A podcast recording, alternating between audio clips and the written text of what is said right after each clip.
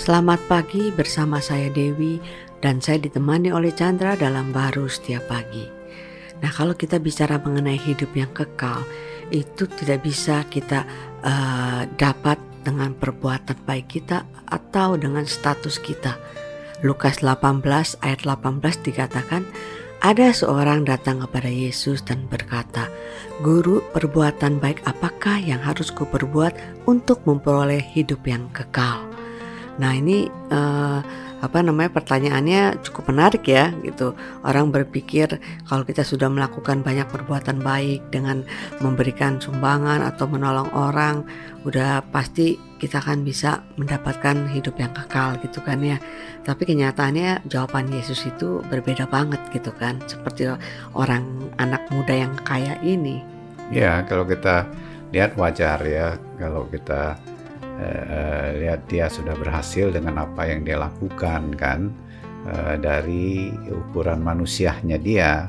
Uh, tapi keinginan dia itu untuk hidup uh, kekal kan? Hmm. uh, dia berpikir uh, dia dapat dengan segala apa yang dia lakukan. Dalam hal ini hukum-hukum uh, yang diberikan kan?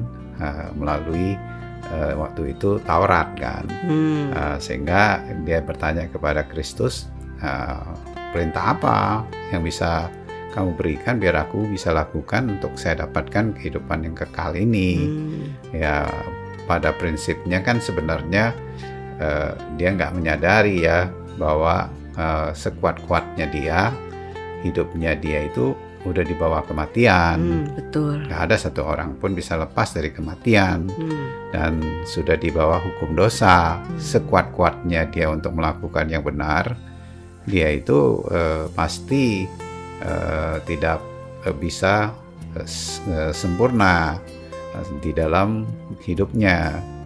Tapi itu sejauh usaha dia dan gagal sebenarnya hmm. pada akhirnya tapi dia merasa hidupnya itu sudah berhasil kan dengan yeah. apa yang dicapainya makanya dia bisa bertanya kepada Yesus apalagi nih ya sebenarnya ya uh, pemikiran itulah yang membuat dia uh, bisa terperangkap berpikir ya. ya terperangkap merasa sombong dengan apa yang bisa dia lakukan dan sebenarnya dia tidak uh, menikmati ya, tidak pernah puas ya, tertuntut hmm. terus ya, karena uh, yang dia inginkan itu tidak bisa uh, memenuhi dia sepenuhnya dan seterusnya sebentar aja ya, uh, karena yang dicari ya di hidup kekal itu. Hmm.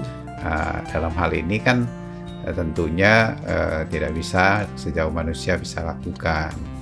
Tapi itulah sebabnya Tuhan itu datang dalam rupa manusia melalui Kristus ini kan, Yesus ini, sehingga dia bisa menebus dosa dan kematian kita. Nah, dengan cara demikian, baru kita bisa menerima kehidupan kekal ini. Hmm. Nah, bagaimana caranya jadinya?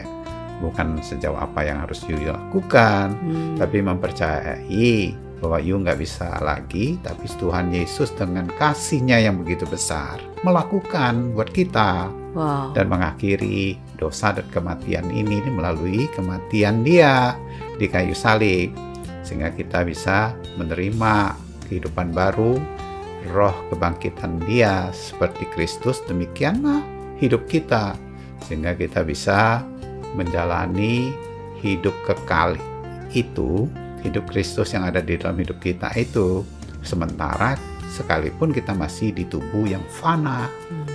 Itulah sebenarnya hidup seperti sorga di bumi. Amin. Amin.